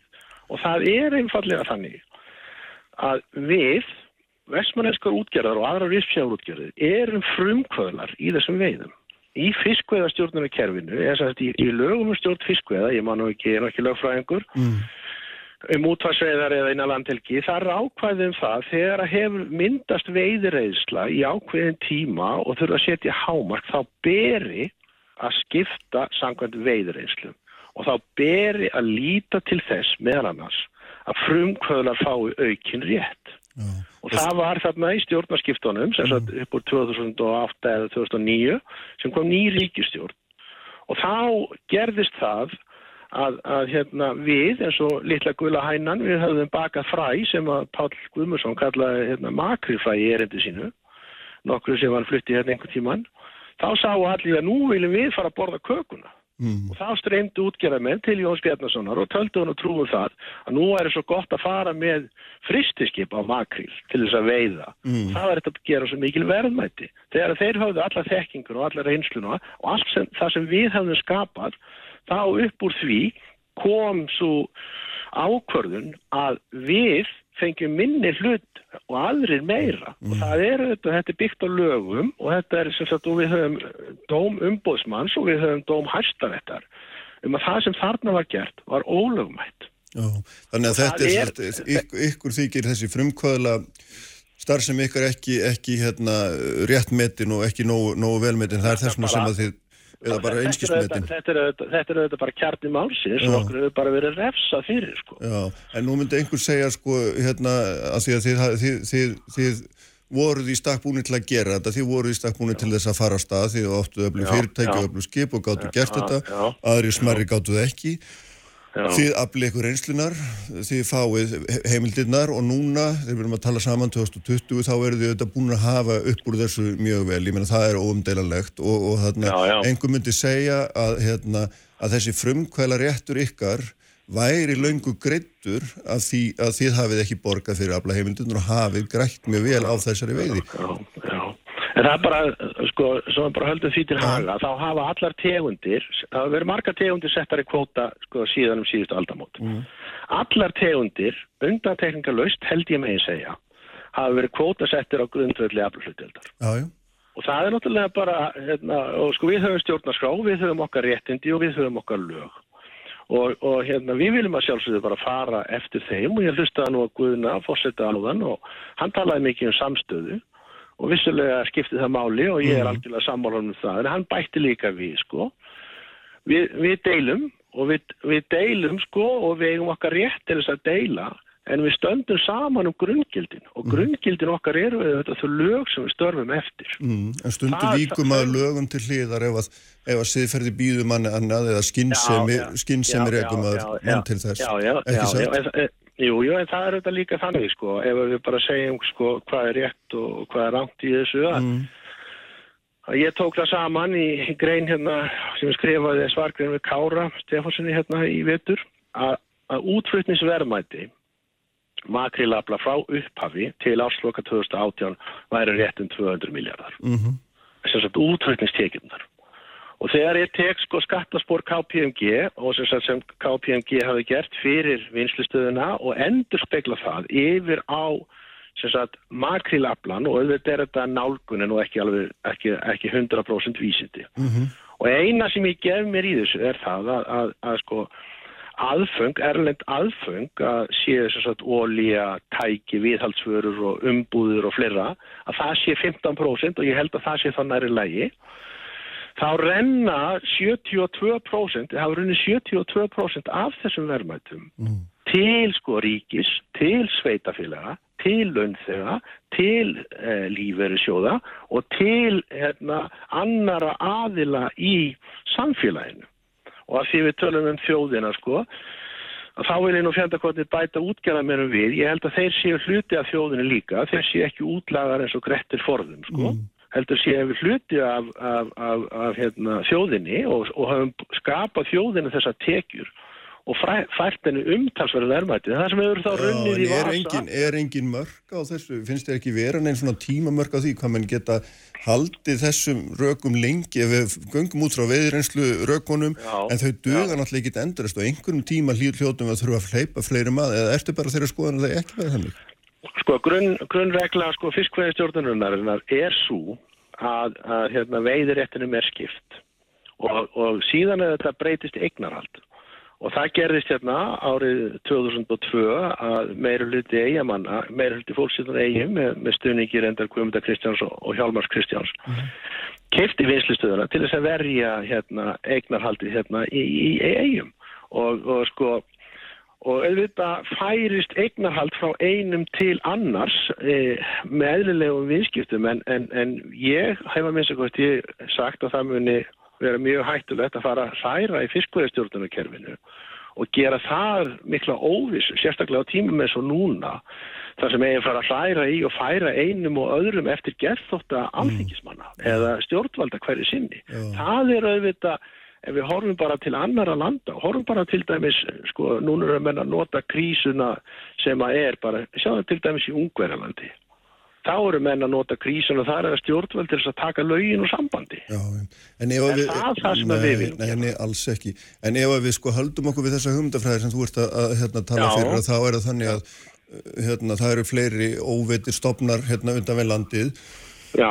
Þú sagði já, mér frá því samtali gæra að það væri, til, já, væri hérna söður af, eigum væri, væri, hvað kallar það, lagsíld, var það ekki? Já, þessi sóknuði miðsjávarstofna. Já, einmitt, en sko, Og- nú er það þetta þannig byrni að, að hérna, einu mennirnir sem geta gert út til þess að kanna það eru þeir sem að eru með fjármagni, Já, skipin, já, tækin og allt skipin, þetta. já, þeir geta aflað sér einslu, þeir geta farið á stað aftur og, og tekið þennan stopp líka þannig að endanum er þetta náttúrulega þannig að þessir örfáu sem við erum með, þessi örfáu stóru fyrirtæki, ekki eru þau mörg, þau náttúrulega leggja allt undir sig og það kannski er svona, ég veit ekki, finnst þér það vera andin í, í fiskveðistofnarkerfinu? Nei, ég, ég er nú, sko, hef nú aldrei verið talsmaður þess og finnst það nú ekki heldur vera það sem að við eigum að stefna að mm. að sjáuratúrun eigi að leggja undir sig all, all landið.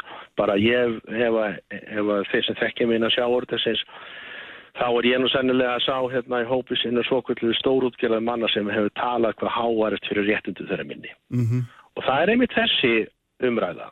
Það er þessi umræða um það að það er að breyta sjáurðaskerfinu. Það er að fara að bjóða allt saman upp þá og þegar.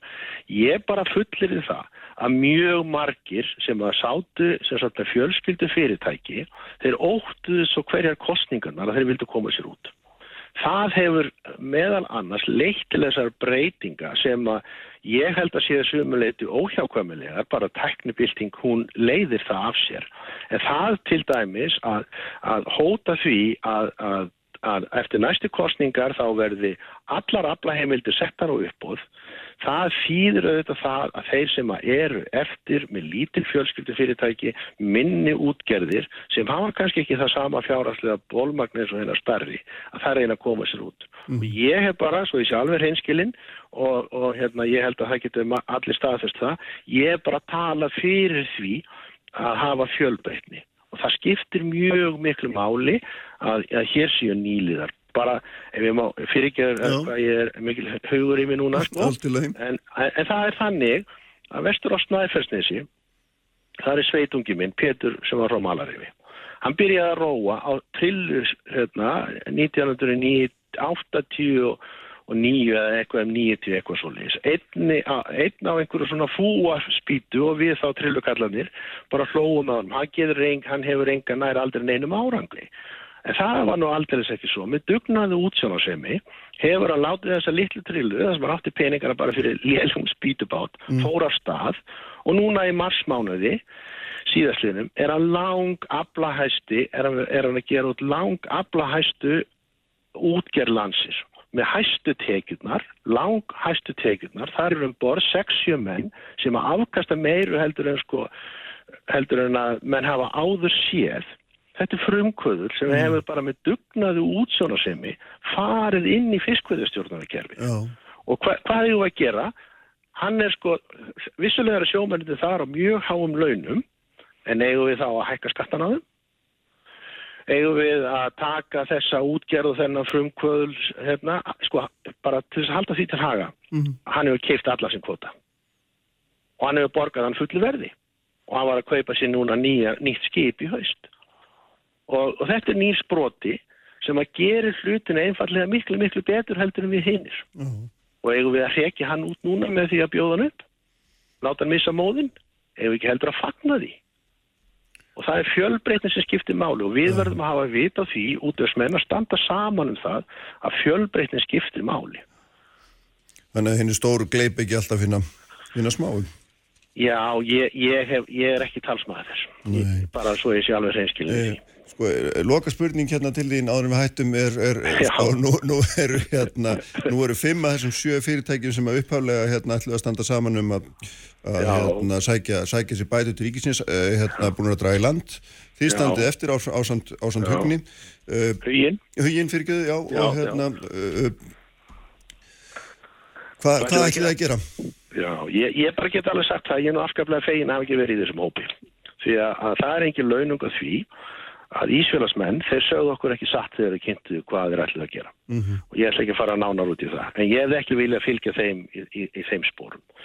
Það er hins vegar þannig sko að við vestmannegingar eru nú vanið storminum bæði í óeiginlegri og eiginlegri merkingu. Og það að, að, að hér eru við með stjórn sem bara er róleg og, og, og þó að sé stormur og þó að sé átök og mikl, mikla spurningar þá erum við að velta bara málunum fyrir okkur. Menn hafa ró og hafa yfirvegun og að því ég er nú gammal sjóari sko þá hefði ég nú ekki vilja vera á skipi hérna, undir stjórn skipstjóra sem færi á taugum sko við minnsta blástur. Mhm. við þurfum að koma okkur í gegnum hérna, blásturinn, við þurfum bara að taka skinsanlegar ákvarðanir. Þetta mál er búið að standa í tíu ár. Það að það sé komið dúkki núna upp er hrein tilvílun en ég skil alveg ángist þjóðarinnar og ég skil reyði mjög margra það hins vegar sko bæði Bjarni Ben og, og Katrín hafa látið hafa eftir sér að þau kvíði ekki niðurstöðin en það krefst ríkið síknu Já, og, og, og þau kvíð ekki niðurstöðinni við auðvitað bara niðurstaða verður aldrei fyrir eftir 3-5 ár þannig að, að, að, að, við þurfum að taka ákvörðin í dag eða morgun eða gæri í þessu máli hefur bara enga merkingu við bara en þú ferð ekki, yfirveguðu sömu leið og þessi, þessi Nei, Nei, nei, það verðum, en, en, en bara svo ég haldi því hérna skipslíkingunni áðan sko, Já. að þá er það við höfum sett stefnuna í þessa átt og það er líka algjörlega hérna, skýrt í, í hugum okkar sem eru gamlu sjómenn að við getum líka breytt um stefnu og, og þurfum ekkert að hafa áhyggjur af því. þú talar eins og við frétt það er ágætt En, bara svona eitt í lokin. Já, já, eldsnöggur, Já, bara eldsnöggur í lokin. Já, Ég er í hugin skipstjóra og hugin sem er hérna suður að færa hjá maður við að kolmun. Já. Já, svona bara aðeins að fara yfir málið með honum. og hann var nú aldeilis algjörlega skýr. Já, Hann vil bara fá sína réttmættu hluteld eins og honum bara ber samkvæmt lögum og hann lagði mikið á sig og, og, og hérna og, og honum er svona bara eiginlega slétt saman um þessa peninga. Ég held að hann sé nú mest að hugsa um prinsipið. Já, já. og, og við erum líka að hugsa um prinsipið. Ok, þið fáið peningan og leggja þau gott málefni, við skulum segja að það verði. Herði, takk fyrir í dag hérna og gaman að heyri þér. já, sömulegis Þau verða hérna Ástildur Sturldóttir og Ármann Kári Ólafsson bæjasturar. Sprengisandur. Á bylgjunni Sprengisandur. Á bylgjunni Uppspretta frétta á Sprengisandi. Á bylgjunni Sæli hlustendur, uh, þá er hann Binni úr Vestmanniðum, Sigurger Brynjar Kristgeisson, eins og hann heitir nú fullt nafni farin úr símanum. Uh, Ástildur Sturldóttir sem bæjastur á Akureyri hins vegar komin í síman, sæl og blessuð. Já, sællistu. Sæl og hérna hjá mér er hann Ármann Kári Ólafsson bæjastur í Kópói. Bæði velkomin, hérna uh, aðeins fann að synga upp á náðina sem ég fann að tala svolítið hratt, en hérna mér langaði svo að heyri ykkur aðeins svona vegna þess að við höfum mikið talað við ríkið og við höfum talað við samtökatunreikenda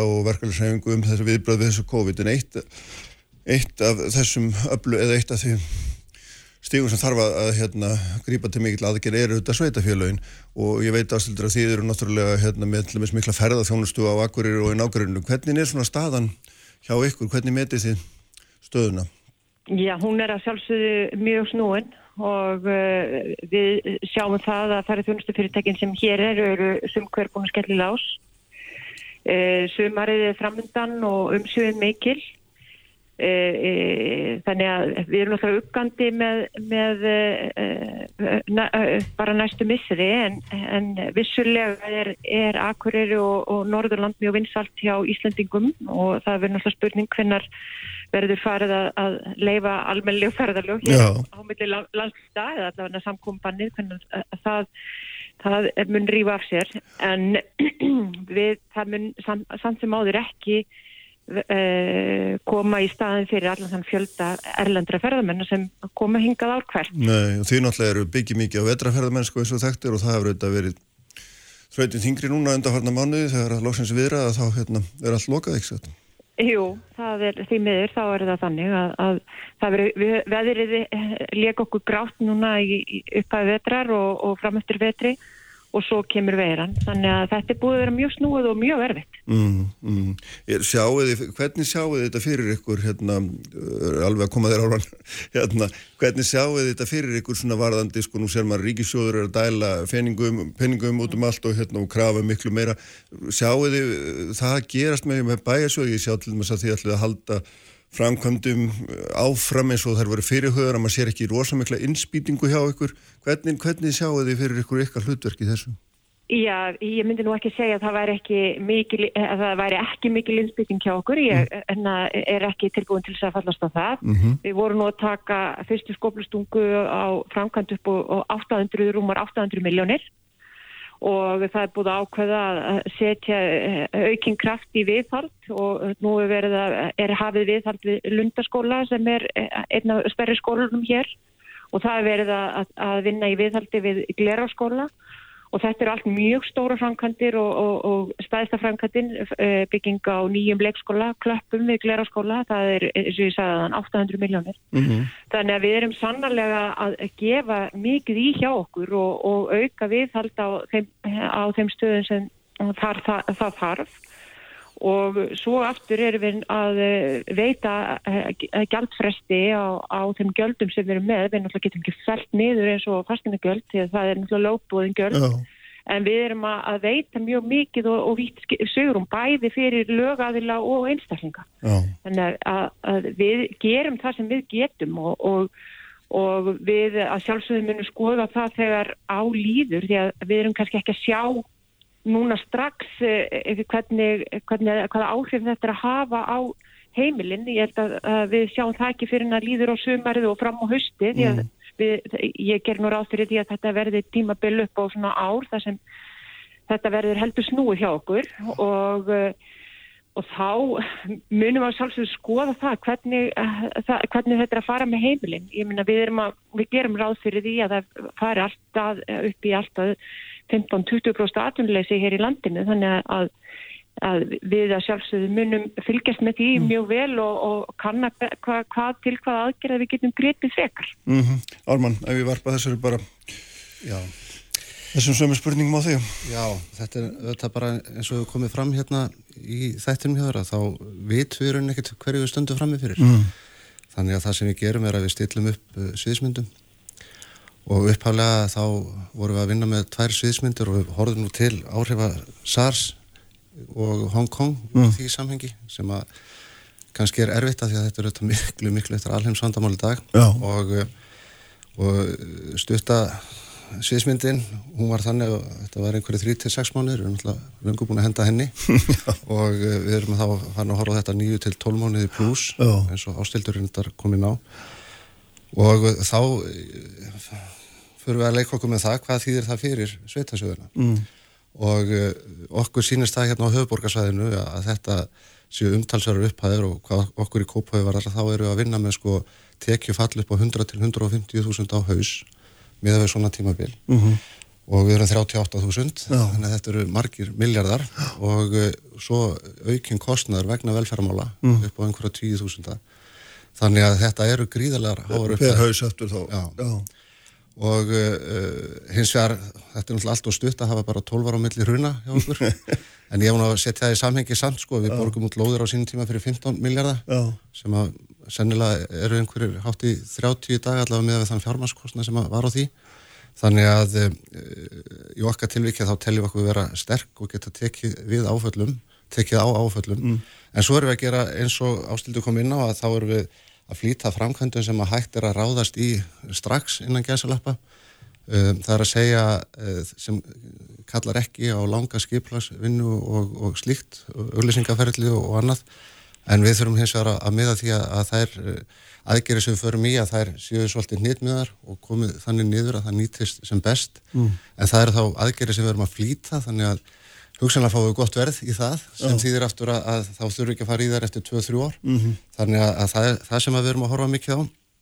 Og svo erum við bara eins og öll sveitafélagin að horfa á þessa gældaga og, hvað er hægt að gera því. Sveitastofnarlögin heimilega ekki afslátnum á ef ég kann þau rétt og mann þetta rétt á öryrkja og eldriborgara þannig að, að við höfum engar heimildir til þess að Mm. fella niður, við höfum hins vegar heimildir kannski til þess að fresta gældugum og slíku. Og það er það sem að við erum að, að horfa á Nú en svo er bara aftur hitt að, að það sem að hefur komið mér samt skemmtilóvart það er hvað þessar stopnarnir okkar, hvað þessi innviður okkar hafa þó haldið, skólar og, og, og, og það sem heyrir undir velferðarþjónustunni hjá okkur. Og við erum auðvitað búin að lenda í miklum vandamálum þegar við fáum upp smitt eins og inn á sambílum. Þá reynir virkilega á og svo aftur þegar við erum búin að vera í þessum undirbúningi að skipta eh, þessum skólakrökkum niður á einstök tímabil innan vikunar eh, í rauninni öll þessi fjárvinna sem að eh, hefur átt sér stað og allt þetta að þetta hefur auðvitað reynd á margt en uh, ég verð að hrósa öllu mínu starfsfólki og uh, svo maður tala um að þá sem að eru í framlýninu fyrir okkur og eins og hér, í sjúkraflutningarteimin og slíkt, þetta er alveg gríðalegt. Já, já, en hérna sko það sem er ástöldu þú kannski rétt byrjar því að það er náttúrulega, hérna við erum mikið að tala um að fresta gjöldum, lána fyrirtækjum og einstaklingum og svo framins en, en það er nú svona skamgóðu vermir auðvitað ef að hérna, það koma enga tekjur inn í middeltíðinni. Þannig að hérna, það, það er svona maður velti fyrir sig hvaða aðgerðir aðrar hérna séu nöðsynlegar. Ég held að við þurfum nú bara að skoða það en að þegar á líður. Það, tek, það er tekið sem við náttúrulega e- erum að, að reyðum okkur á, eru, eru, tekjur, eru skattekjur, eru tekjur frá jöfnusjóði sem mun að sjálfsögðu lækka út af eh, bara lækandi tekjum ríksjóðs Mm. Eh, við, og svo eru það þjónustekjuna, það eru sagt, eh, gjöld, leikskólagjöldin og, og, og, og gjöld vegna mötuneytismála og annað slíkt. Og það, það er nú kannski ekki svona stórar, stórar tölur heilt yfir. Þannig að, að, að það er nú kannski svona enna, minni háttar.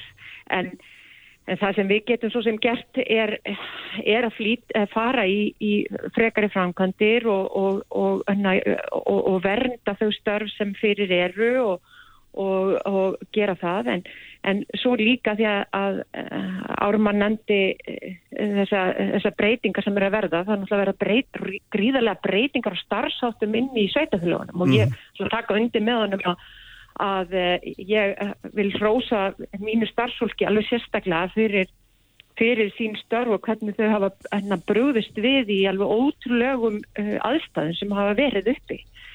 Og svo erum við kannski að koma af stað algjörri bylgu í rafrætni þjónustu og, og rafrænum samskiptum við íbúa sem er það góða sem kemur með þessum blessaða faraldri. Mm og við erum að geta veitt þjónustu sem er, er þá eh, eins fyrir alla, eh, aðgengið er betra, til dæmis bara í, rafrænum samskiptum fyrir félagsþjónustuna. Við getum þjónusta fólki gegnum það og þannig að aðtilvægsverðar tilröðinu sem eru núna í Reykjavík að, að, að, með heimaþjónustuna í, í gegnum Emaxi og svo aftur eh, viðtöl við einstaklinga í gegnum köru og og, og fleira. Þannig að það er, það er ótrúlega spennandi tímar sem eru í gangi hjá okkur núna. Mm -hmm. Þannig að, að já, það, þegar við komumst upp úr þessu þá hérna, stöndum við uppi við margt gott.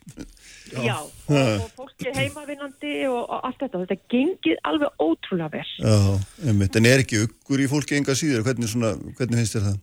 Jú, það er mjög mikið lukkur í fólki og það er hrætt um afkomi sína, það er hrætt uh, framtíðina, það er náttúrulega stutt síðan að það var hrun og það hafði svo mikil áhrif á samfélagið, allstaðar um alland og ef við horfum til dæmis í samfélagi eins og skútstaðreppi sem algjörlega reyðir sig á, á ferðarþjónustu, mm. það er náttúrulega mikið lukkur í fólki og nú þegar komið næstu 30% aftunnis, mm.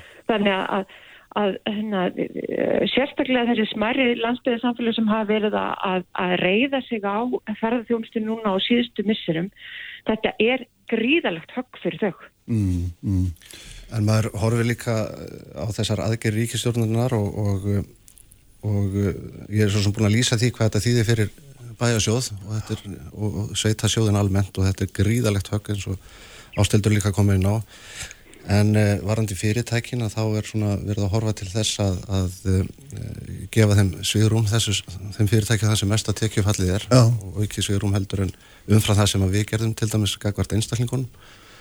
En maður getur auðvitað ekkert, uh, þó maður vil nú ekki vera að opna það mikið tekjufalli á bæjarfélagum en, en þessi fastegna skattur hjá fjölskyldum sem að kannski tekjurnar alveg hríðfalla, mm. að, það, það eru auðvitað eitthvað sem að kannski þarf að horfa til fastegna skatturinn er náttúrulega þannig að hann tekur ekki neitt til í tiltekna Neini. og þá er þetta spurning hvort að ég fara í gegnum þann skattstopp með ríkinu og, og tekjutengja hann að einhverju leiti mm. en uh, því að við getum einhvern veginn ekki staðið framið fyrir því að, að, að þessar fjölskyldur sem að tengjast á þessum atvinnugreinum og þá sérstaklega ferðarhjónustinni siti alveg slipp og snöð hjá en þó, þó að sjálfsögðu þetta átak ríkistjórnuna mm. hafi heilmikið með að segja með með hlutastörfin að þá, hérna, þá, þá er þetta bara einhver staða sem, mm. að, sem að bara er rosalega erfið. Hvað segir um þetta áslöldur? Svona frá loka orð frá þér.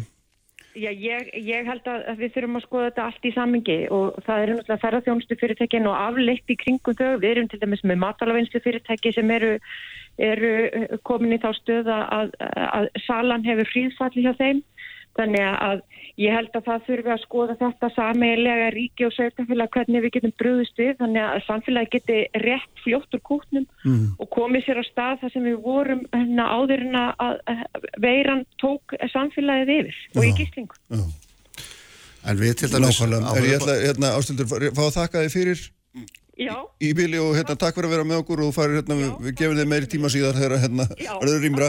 allt í ljómandi, takk og blæs Ármann, hérna, örfá orð frá þér um þetta og slanga með að spyrja um eitt aðrið annað. Já, Nei, ég ætlaði bara að segja Já. að það hefur verið mikið gott samstarf hjá Sveitafélum og höfuborgarsvæðinu eins og ég kom inn á mm. þann og við erum núna búin að mynda með framkvæmdara almannavarna á höfuborgarsvæðinu sem að ísitja þá allir sveitastjórnarnir á höfuborgarsvæðinu að við erum svona farin að huga að endurreysninni og við erum að skipa endurreysna teimi til þess að fara yfir einstakka þætti sem snúa þá að velferðarmálunum, skólamálunum, ernaðsmálunum, íþróttamálunum og menningamálunum og svo með veist og, og það er mjög mikilvægt að, að, að líka að hugsa hvern, hvað getur við lært af þessu og uh, gera okkur grein fyrir því hvað við erum að fara inn í. Og það er í rauninni það sem þessi endurreysna teimi inn í sveitafélunum koma til með að, að vinna með núna mm. og við erum að gera sem sagt gátlista og gera þetta mjög kerfisbundið Þannig að ég held að hérna allavega að það sé líklara með slíkum vinnubröðum að við ná, náum að rífa okkur á lappir aftur hraðar já, já. og það er auðvitað það sem við ætlum að gera, að við ætlum að fara í gegnum þetta án þess að einhvern veginn að um, að þurfa að horfa í baksinni í speilin og segja við hefum átt að gera þetta allt, allt öðruvísi og vinnum mm. allt, allt öðruvísi og gera þetta þessuna mjög kerfisbundið. Mm. En verður þú í einhverju stöðu til að fylgja þessu eftir orðruminu? Því ég ætlaði að spyrja það því. vegna þess að, Hérna, það er, það er, það er þrálátur orðrumur í kópavóðum að þú sért að hérna, hætta. Það sé verið að hérna, þröngaður út að sé mikil óeining innan sjálfstæðarflóksins. Hérna, langar aðeins svona rétt, við höfum hérna einhverju örfá mínútur. Ég hérna, já, það, ég held nú reyndar enginn hafi sagt að ég var að hætta bara núna, það var spurningum hvort ég myndi bjóða mig fram næst. Já, já, já, já, ég meina það nú, ég meina það nú. Þannig að hérna, ég ætla að fylgja þessu eftir núna, þessum, þessum fyrstu mánuðum núna í kjálfara COVID, því að uh, tímabilið er nú ekki hálnað. Nei. En uh, þetta En þú kannast við sé óeiningin en eitthvað ræða?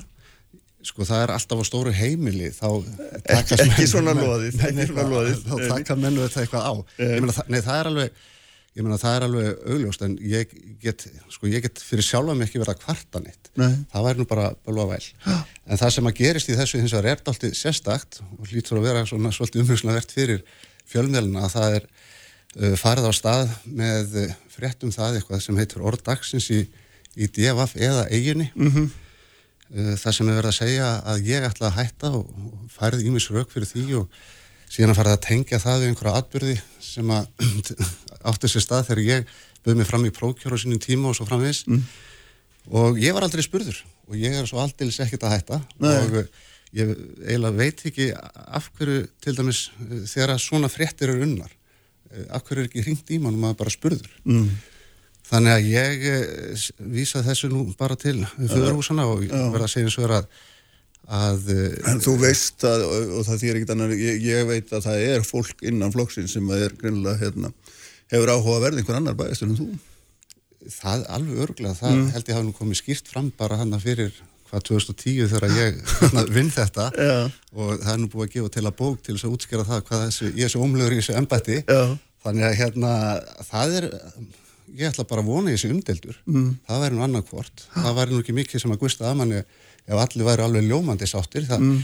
það er alltaf tekist á inn í svona flokkum og eins og hjá okkur að þá hafa verið átök um til dæmis bara uh, sjálfstæðisfélagið fulltrúaráðið og, og ég er það ekki bara þroskleika merkja menn takist á, ég, Ég- ég held að það getur alveg verið. Já, ég, ég, ég ætla ekki að fella henni að dóma það, en ég- en mér skilst allavega að hérna, það sé að hluta til vegna þess að þú þykir ekki nógu, þú þykir ekki nógu verktakahollur.